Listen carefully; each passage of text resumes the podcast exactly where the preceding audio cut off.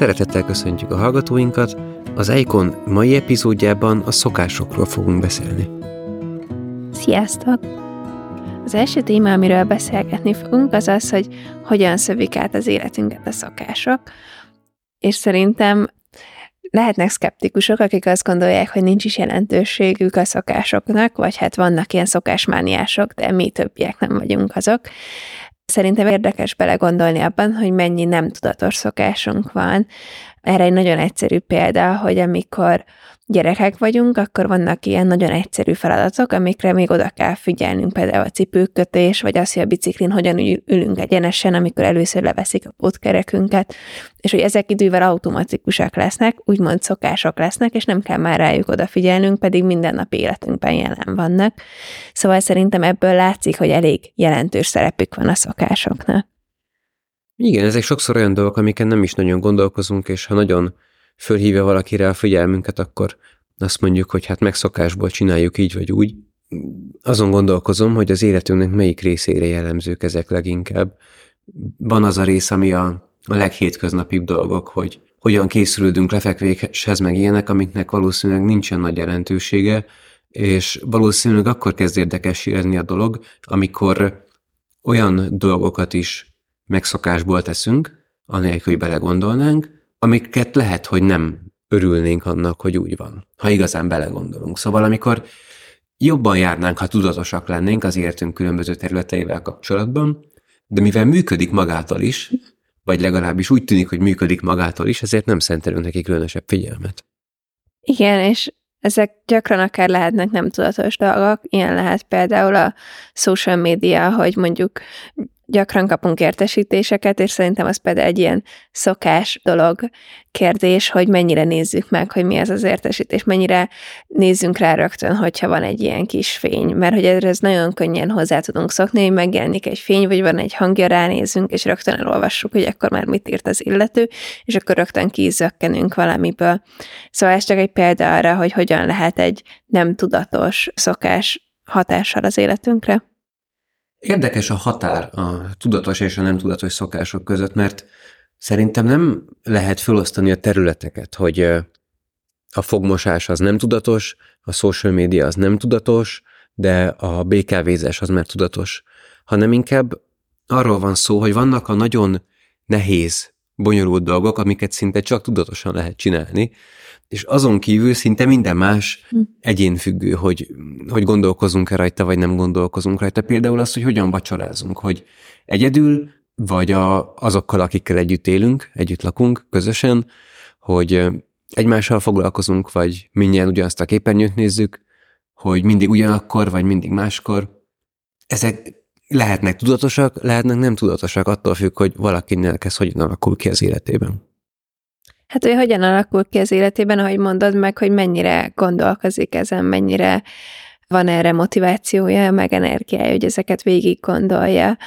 És szerintem van egy ilyen irányzatán keresztények között is, meg szerintem ilyen bestseller írók között is, hogy legyünk minél tudatosabbak, és um, gondoljunk végig minden egyes szokásra hajlamos területet, tehát minden területet az életünkben, és nézzük meg, hogy azokon a területeken milyen szokások vannak.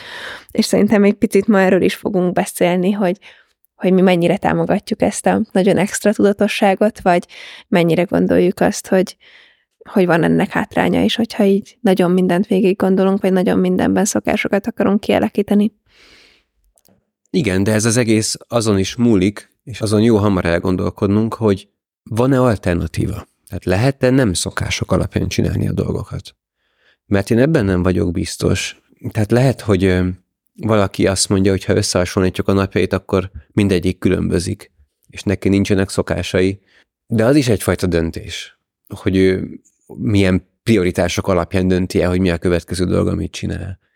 És lehet, hogy olyan értelemben nem szokás, hogy nem visz rendszert a napjába, meg az életébe, de annyiban igen, hogy újra és újra nem mérlegeli azt, hogy ő most egy rendszert követ, hanem a pillanatnyi kedve alapján cselekszik. Hát meg szerintem, hogyha ezt tényleg valaki nagyon komolyan veszi, hogy, hogy a szokásokat le akarja csökkenteni az életében, az nagyon-nagyon sok energia lesz, és erről mindjárt egy kicsit a szokások kialakulása kapcsán fogunk is beszélni, hogy hogy a szokások pont azt tudják megkönnyíteni, hogy kevesebb energiát kelljen azzal tölteni, hogy amikor felkelek, végig gondolom, hogy akkor most merre lépek, és hova megyek először a házban, vagy amikor autót vezetek, akkor végig gondolom, hogy akkor most mikor teszem ki a indexet, és mikor veszem vissza. Szóval szerintem, ha valójában nagyon tudatosan végig gondoljuk, hogy mit jelent a szokás, akkor nehezen tudjuk ténylegesen lecsökkenteni az életünkben nullára. Valamennyire nyilván le tudjuk. Nem tudom, mennyire tudjuk lecsökkenteni, de ezt még ráérünk megvitatni. Szerintem még azon érdemes kicsit elgondolkodni, hogy egyelőre ilyen két pólusonak állítottuk fel a dolgokat, hogy szokás vagy nem szokás, tudatos vagy nem tudatos. Ez az egyik ok, ami miatt az emberek szoktak a szokásokkal foglalkozni. A másik pedig, hogy tudjuk, hogy vannak rossz szokások, és hogy ezeket is jó fölismerni, meg sokszor, ha fölismerjük, se olyan könnyű megszabadulni tőlük. Gondolkoztam azon, hogy mi számít rossz szokásnak. Szerintem ebbe kicsit az a nehéz, hogy általában az ilyen magától értetődő dolgokra gondolunk, hogy rossz szokás, mondjuk mozgás szegény életmódot élni, rossz szokás dohányozni, rossz szokás plegykálkodni, de vannak-e kevésbé könnyen felismerhető rossz szokások? Szerintem vannak, ha belegondolunk, hogy mikor van nagyon nagy szükségünk arra, hogy energiát takarítsunk meg saját magunknak, szerintem nagyon gyakran akkor, amikor fáradtak vagyunk, stresszesek vagyunk, vagy éhesek vagyunk. Nekem ezek a fő kategóriák jutottak nem túl szakmai szempontok alapján eszembe, és hogyha stresszesek vagyunk, akkor vannak ilyen a pszichológusok által megküzdési módoknak nevezett reakcióink, ez az a viselkedés, amihez nyúlni tudunk akkor, amikor mondjuk megkapunk egy rossz hírt. És szerintem nagyon gyakran nem vesszük észre, hogy amikor mondjuk meglátunk egy rossz hírt egy um, online újságban, akkor utána mit teszünk, hogy elkezdjük rágni a körmünket, vagy átkapcsolunk rögtön az Instagramra, és ez az alap, hogy akkor átmegyünk Pinterestre, vagy Instagramra, ahol kicsit pozitívabb dolgok vannak, de az is lehet, hogy akár a munkahelyünken, hogyha kapunk egy nagyobb, megterhelőbb feladatot, vagy kihívást, akkor az az első reakció, hogy főzök egy kávét, és elkezdem azt inni, és lehet, hogy ezt nem vesszük észre, hogy mindig, amikor van valami nehéz, akkor rögtön elkezdem főzni a kávét, és aznap egy plusz kávé lesz. Uh-huh. Igen, ez egy terület, a, a megküzdés. Nekem még ami eszembe jutott, de szerintem egyébként nagyon sok ilyen terület van, nekem még eszembe jutott az a vásárlás. Ott is pont azért, mert a vásárlás körül sokféle bűnbe beleeshet az ember, és vannak olyan szokások, amik ezt nehezítik, segítik, könnyítik, hát feltatják. Tehát például, aki azt gondolja, hogy ő majd elmegy a plázába vagy a boltba, és majd ő meglátja, hogy mire van szüksége, az szerintem kicsit veszélybe helyezi magát arra, hogy nem a legátgondoltabban, meg a legtakarékosabban, vagy a leghatékonyabban vásároljon. Vagy aki úgy vásárol, hogy előtte megnéz minden lehetőséget, az lehet, hogy arra um, készíti magát, hogy aztán elégedetlen legyen a végeredménye, vagy, azoknak, vagy azokra irigykedjen, akik a legjobbat tudják megvenni, vagy ehhez hasonlók. Szóval szokások arra is hasznosak, hogy rendszerezzék a napunkat, meg az is a veszélyben, hogy hogyan rendszerezik, de emellett, és ez lehet, hogy az is kapcsolódik, amint te mondtál a megküzdésekről, hogy a, valahogy a szívünket is szoktatják különböző dolgokhoz, azáltal, hogy minek tesszük ki magunkat, milyen ingerekkel töltjük föl a napunkat, az életünket, meg ahogy te is mondtad, hogy mihez fordulunk, amikor valami nem jó, ezek mind kicsit úgymond magunkat neveljük velük. Igen, szerintem ez nagyon jó, hogy megfogalmaztad, hogy magunkat neveljük, meg hogy ezáltal nagyon nagy hatással tudunk lenni arra is, amilyen kapcsolatunk van Istennel, vagy amennyit Istenre gondolunk, mert szerintem, ha olyan szokásaink vannak, amikor fáradtak vagyunk, akkor is, amikor stresszesek vagyunk, akkor is, amikor éhesek vagyunk, akkor is, ami a legegyszerűbb talán, vagy ami a legcsábítóbbnak tűnik, mondjuk egy sorozat, vagy egy um, scrollozás Facebookon, vagy Instagramon, akkor ez lehet, hogy nem lesz a legépítőbb, és közben teljesen érthető, hogy amikor fáradtak vagyunk, akkor vannak a legjobb kifogásaink arra, hogy miért nem szeretnénk itt egy pihentető és saját magunk számára jól kitalált szokást beiktatni, mert hogy nincs kedvünk ezt végig gondolni de közben talán ezek a helyzetek nagyon sok időt kivesznek a napunkból, vagy nagyon nagy szerepet játszanak egy-egy napunkban. Uh-huh. Szerintem tovább léphetünk uh-huh. arra, hogy mit tudunk a pszichológiából, meg a Bibliából a szokásokról? Mi az, amit ezekből kiindulva elmondhatunk arról, ami segít gondolkodni, vagy hozzáállni a szokásokhoz? A pszichológia meglepően régóta kutatja egyébként a szokásokat, vagy hát ahhoz képest, hogy na, milyen öreg a pszichológia, ahhoz képest már az első ilyen behavioristenek nevezett viselkedéskutatók nagyon sok időt töltöttek ezzel, és ami, amiben talán egyetértenek, az az, hogy ez egy automatikusan megjelenő cselekvés, vagy legalábbis nagyon könnyen megjelenő cselekvés, egy adott helyzetre, és hogy azért tud ez könnyen megjelenni, mert hogy megjelenik általában a viselkedés hatására egy jutalom is. És szerintem, amikor ezt végig gondoljuk, akkor eszünkbe juthatnak olyan példák, ahol mintha nem látnánk a jutalmat. Én ezen gondolkoztam, de szerintem elég gyakran akár az is lehet egy jutalom, hogy nagyon gyorsan végigjutok egy bevásárlóközponton, és nem kell sok időt töltenem, vagy az is lehet egy jutalom, hogy nem kell gondolkodnom, hanem csak posztokat nézek, vagy az, hogy hamarabb oda jutok egy helyre, mint egy másik módon. Szóval nagyon sokféle lehet ez a jutalom, és a pszichológia így azt próbálja szerintem ezzel így kihangsúlyozni, hogy itt van egy ilyen tanult kapcsolat a két elem között, szóval a helyzet, illetve az eredmény között, és ez a viselkedés váltja ki, szóval, hogyha a moziba bemegyek, és az egy nagyon meghatározott helyzet, és ott mindig popcornt választok, akkor ez egy jó kis jutalom, mert tudom, hogy a popcornnak milyen íze lesz, általában nem szokták ízesíteni, és ezért erre jól lehet számítani, hogy milyen íze lesz, és akkor ezt megtanulom ezt a kapcsolatot egy idő után, és ez egy szokásommá válik. Erről két dolog jutott az eszembe. Az egyik, hogy talán még az is lehet ilyen jutalom pusztán, hogy az az érzés, vagy az a tudat, hogy mindig is így csináltam, és ezért nem kell abba energiát fektetnem, hogy most kitaláljam előről, hogy hogy csináljam. Tehát az ilyen default magától értetődő opcióknak van egy ilyen kényelmessége, meg egy ilyen biztonságot nyújtó érzés jár velük, és lehet, hogy nem a legelején, de egy idő után már ez is az, ami benne tart minket szakásokban. Hát meg a döntés az nagyon gyakran stressz helyzet, és ezt, ha meg tudjuk kerülni, már az is segíthet. A másik, amit még mondani akartam, hogy azért nem vagyunk behavioristák, és egy fontos dolog, amit a behaviorizmus nem vesz figyelembe, de érdemes, az az, hogy nem csak viselkedések vannak, hanem vannak olyan gondolkodási minták is, amikkel érdemes foglalkozni a viselkedéstől függetlenül. Mm. És lehet, hogy vannak szokásaink a gondolkodásunkban is, hogy bizonyos helyzetekben mire gondolunk, min kezdünk el gondolkodni, mit veszünk elő, mire gondolunk, hogy megvigasztalódjunk, mire gondolunk, hogyha elszomorodunk, ha megharagszunk, ezek is lehetnek szokások.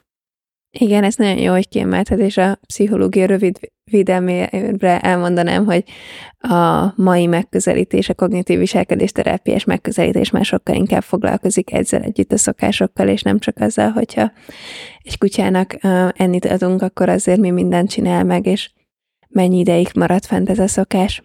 De szerintem ebből a pszichológiai megközelítésből, vagy igazából mindkettőből az így kiemelhető, hogy az ismétlés ez nagyon szükséges. Tehát hiába mondjuk három nap este, vagy akár egy héten keresztül minden este leülök Bibliát olvasni, sajnos bármennyire is szeretnénk, nem elmondható ebből, hogy akkor ez egy szokásom lett innentől kezdve, valószínűleg ezzel már itt többen küzdöttünk, és a pszichológiai kutatások foglalkoznak azzal, hogy vajon mennyi idő alatt tudnak szokások kialakulni. És ebben izgalmas kérdés, hogy mit jelent az, hogy kialakulni, azt jelenti, hogy akkor továbbra soha többet nem fog ez elhagyni minket, szerintem inkább azt jelenti, hogy akkor onnantól kezdve kevesebb energiát kell ebbe fektessünk, és könnyebben rávesszük magunkat mondjuk arra, hogy este fél órát valami olyannal töltsünk, ami építő olyan, mit szeretnénk, és hogy ez az ismétlések száma, én úgy látom, hogy a kutatások még meg nem tudják meghatározni, hogy pontosan mennyi kell legyen, szóval sajnos ezt nem a mai epizódból fogja senki megtudni, aki azt olvasta. Pár nagyon um, ilyen populáris könyvben, hogy a 21-es szám az, az a meghatározó, és akkor ez pontosan három hét, azokat sajnos kicsit le kell lombozzam, hogy ez nagyon szokásfüggő úgy tűnik, és hogyha azt szeretnénk mondjuk elsajátítani, hogy minden este négy kilométert fussunk, ahol sokkal több időre lesz szükségünk, meg valószínűleg sokkal lépcsőzetesebb célokra, mint hogyha mondjuk azt szeretnénk elérni, hogy nem tudom, ránézek az órámra, mielőtt kinézek a kilépek az ajtón, és tudjam, hogy esik az eső, vagy fúj a szél. Vagy hogy minden reggel egyek egy csukit, ezt valószínűleg elég hamar föl lehet Igen, ezt azt is elég hamar. Szóval szokásfüggő, és azt látjuk, hogy sokkal inkább hónapokban mérhető egy szokás kialakulása, mint napokban. Szóval ezzel nem érdemes áltatnunk magunkat, hogyha három nap, négy napig csináltuk, akkor innentől kezdve könnyű lesz, hanem onnantól kezdve még azért jó idő van, ameddig kialakul egy jó kis szokás. Ez valószínűleg attól is függ, amit még te mondtál az előbb, hogy a szokás sok kialakulása az jutalomra van szükség, mm. és hogy mekkora jutalmat jelent a számunkra, hogyha megtesszük az adott dolgot, illetve a jutalom ellentétét, tehát hogy mennyire kellemetlen számunkra megtenni a dolgot, vagy mekkora erőfeszítést igényel, elég magától értetődő, hogy könnyebb szokásokat könnyebb felvenni, mint megerőltetőket. Igen, erre jó példa a csokid. Igen, és um, arra mutatnak rá szerintem még ezek a pszichológiai elméletek, meg kutatások, hogy ezek a szokások valójában nagyon konkrét helyzethez tudnak kapcsolódni, és nagyon konkrét, specifikus viselkedés tud lenni. Szóval az, hogy én rendszeresen mozgok, és testmozgás végzek, ez nem túl valószínű, hogy így egy szokás. Az, hogyha minden reggel felkelés után 10 percet megmozgatom a hátamat a kávé lefőzése közben, az sokkal valószínűbb, hogy, hogy tényleg egy szokás, vagy egy, mert az egy meghatározott dolog. De közben van ott is valami, nem? Tehát, hogyha ha rendszeresen mozgok, akkor nehezebben állhat elő az a helyzet, hogy semmit nem mozgok. Tehát, hogy semmilyen szokásom sincs a mozgásra, és nagyobb jutalmat jelent, ha valamilyen ilyen szokást fölveszek. Tehát még ha nem is konkrét szokás, de valamilyen ilyen hajlamokat föl lehet szedni. Persze, meg hát akkor nagyobb lesz a mozgásigényem, csak általában nem szoktunk ilyen nagy kategóriában végezni tevékenységeket, hogy akkor rendszeresen fél óra építő dolgot végzek este lefekvés előtt, hanem ha azt mondom, hogy szuhányzás közben dicsőítő zenét hallgatok, akkor az egy olyan dolog, amit tényleg be tudok ültetni az életembe, még az, hogy fél óra építő dolgot csinálok, az egyik este az egyik dolog lesz, a másik este a másik, és onnantól kezdve sajnos ez nem tud szokás lenni, nem tudom megszokni.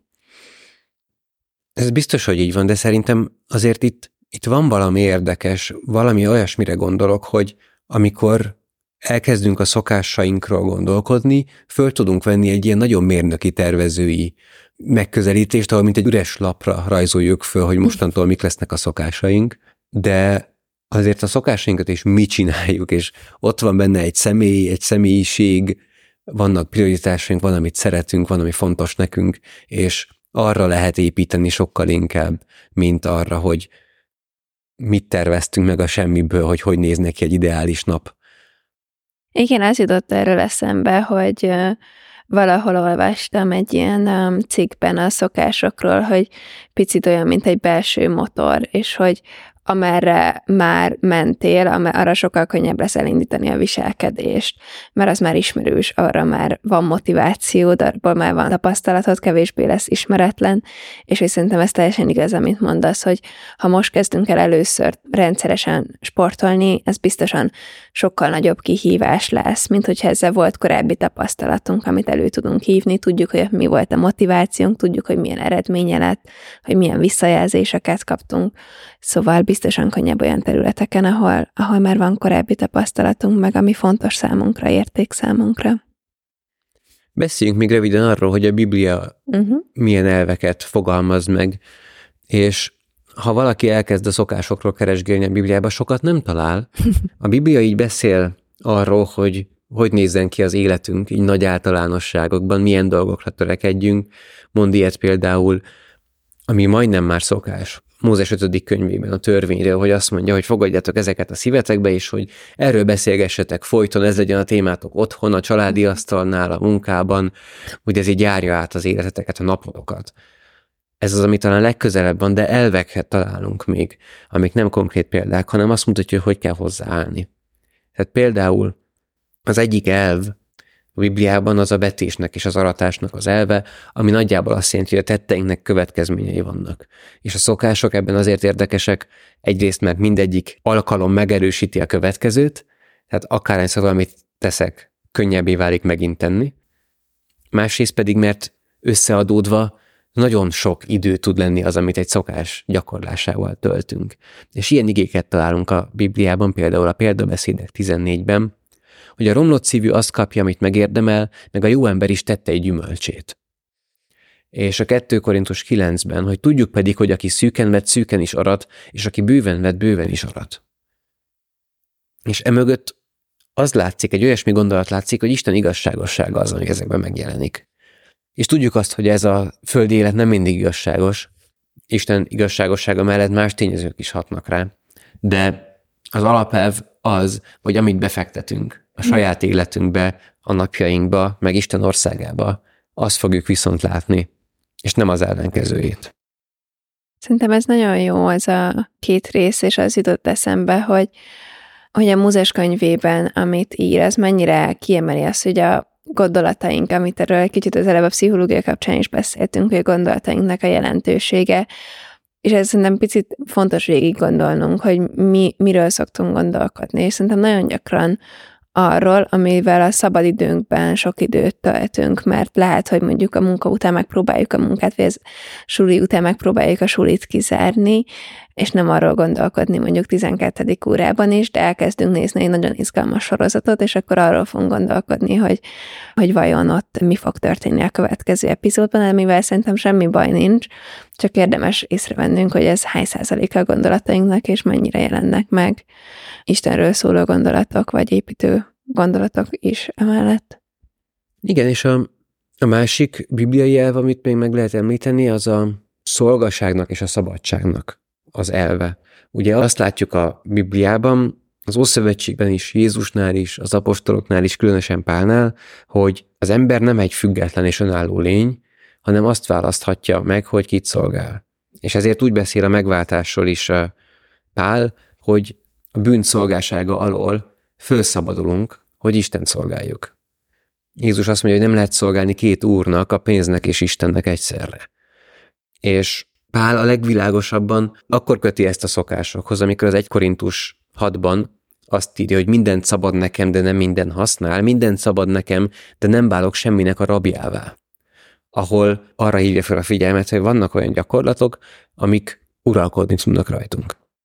És hogy tudjuk szerinted megkülönböztetni a szokást és a szolgaságot?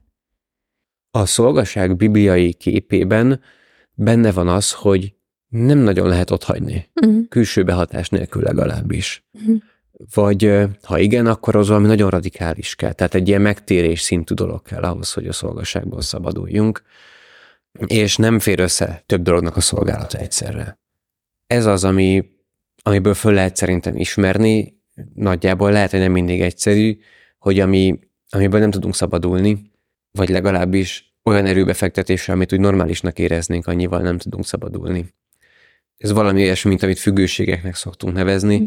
A függőségben az a trükkös, hogy az egy szakmai fogalom is a pszichológiában, mm. meg az átlag emberek mindenfélékre rámondjuk, amikre egy szakember nem mondaná, úgyhogy kicsit homályos fogalom. De az, amitől úgy érezzük, hogy nem vagyunk szabadok.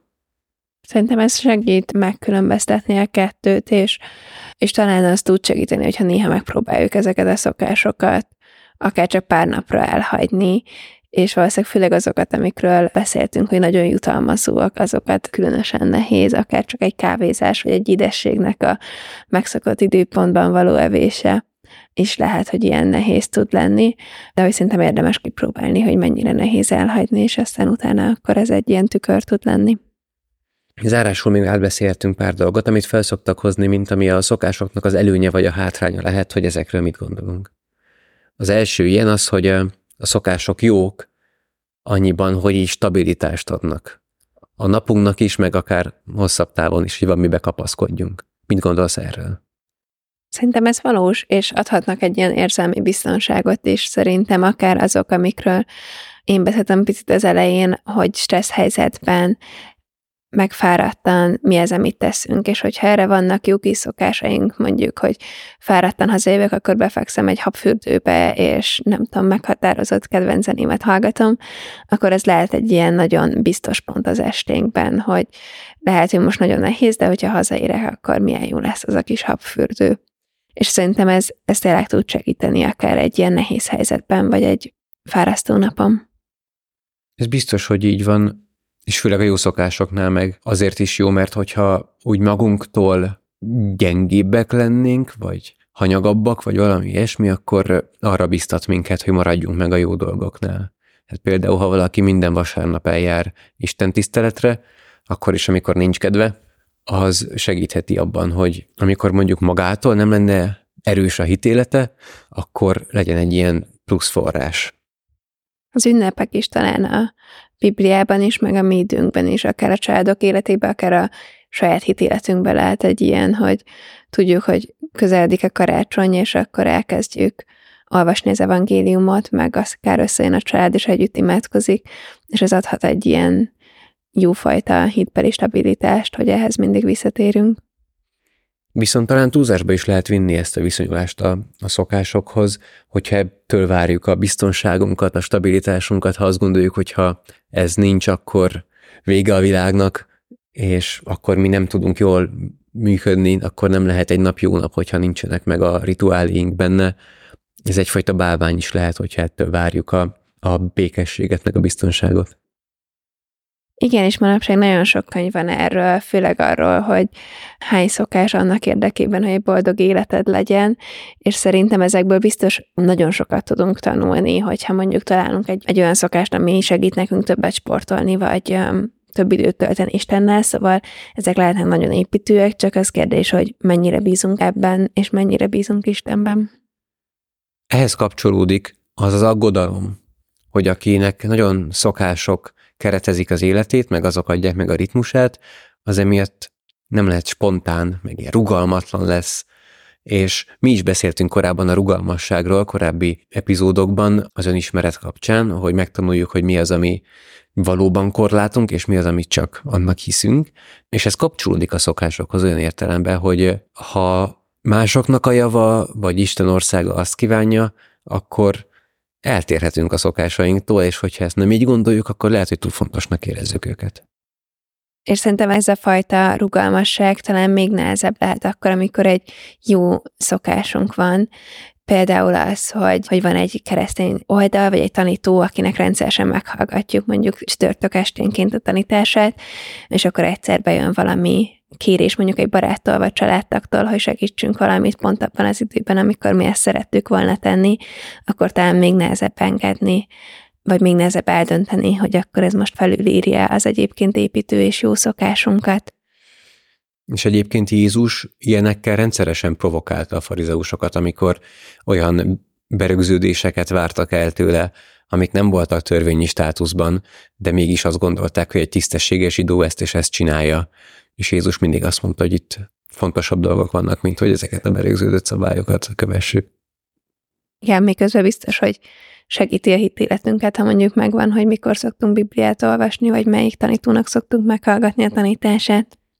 Szerintem még egy ilyen kritika jöhet elő a szokások kapcsán, akár az építő szokások kapcsán, hogy őszintétlené teszi a tevékenységet, vagy akár a kapcsolatot. Mondok egy példát, hogyha minden második héten ráírok mondjuk a nagyszülőmre, hogy hogy vannak, és küldök neki pár képet, vagy akár felhívom, és megkérdezem, hogy mi van velük, de ez mindig mondjuk minden másik héten szombaton este van, akkor ez mennyire jelent egy ilyen kipipálást, veszélyt az életünkben, hogy akkor ezzel kipipáltuk ezt a kötelességünket. Igen, és ez nehéz, mert szóval nehéz az, hogy ha így csináljuk, az a baj, ha úgy csináljuk, az a baj. Ugye az a veszély, hogy azt gondoljuk, hogy egy témát elintéztünk azért, vagy egy kötelességet, vagy valami ilyesmit, valami, ahol jót lehetne tenni, elintézünk azzal, hogy valamit teszünk. Van egy szokásunk, amiben valamit teszünk azzal kapcsolatban. Hogy minden héten olvasunk 5 perc Bibliát, vagy minden hónap első vasárnapján imádkozunk, és akkor azt gondoljuk, hogy nekünk el van rendezve az imádkozás. Mi erre a megoldás? Szerintem az egyensúly meg az, hogy, hogy végig gondolni, hogy mi a motivációnk.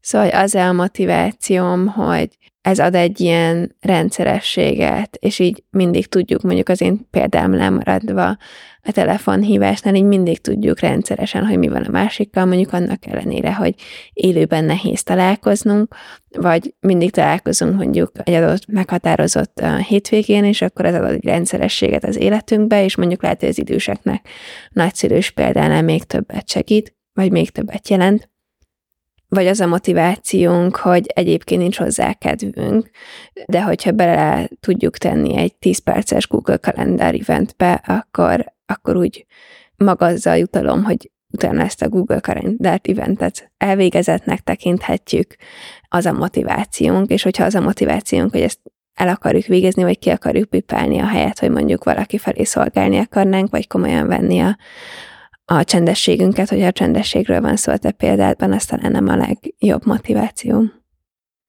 Uh-huh. Még egy szempont, ami eszembe jutott, az az, az hogy akár szokások alapján rendezzük a napunkat, akár spontánabbak próbálunk lenni, azt mindig kiértékeltjük, hogy mivel és hogyan töltjük az időnket. És szokások ugyanúgy tükrözhetnek rossz prioritásokat, mint szokás nélküli napok. És ugyanúgy megvizsgálhatjuk azt, hogy jó prioritásokat tükröznek-e. A havi egyszeri imádkozás példájára visszagondolva, ha azt megnézzük, akkor láthatjuk rajta, hogy nem jó prioritásokat tükröz. És attól még, hogy vannak szokásaink, az nem azt jelenti, hogy megtaláltuk a tökéletes módját annak, hogy hogyan rendezzük a napjainkat. És ott is ugyanúgy érdemes arra figyelni, hogy hogyan kereshetjük azt, ami minél építőbb, minél jobban működik nekünk és a körülöttünk levőknek, és, és amivel minél nagyobb áldások tudunk lenni. Azt reméljük, hogy ez a beszélgetésünk a szokásokról elgondolkoztatott, kicsit építettiteket, felmerült bennetek pár építő kérdés esetleg ennek kapcsán, és reméljük, hogy találkozunk a legközelebbi podcast epizódban. Sziasztok! Sziasztok!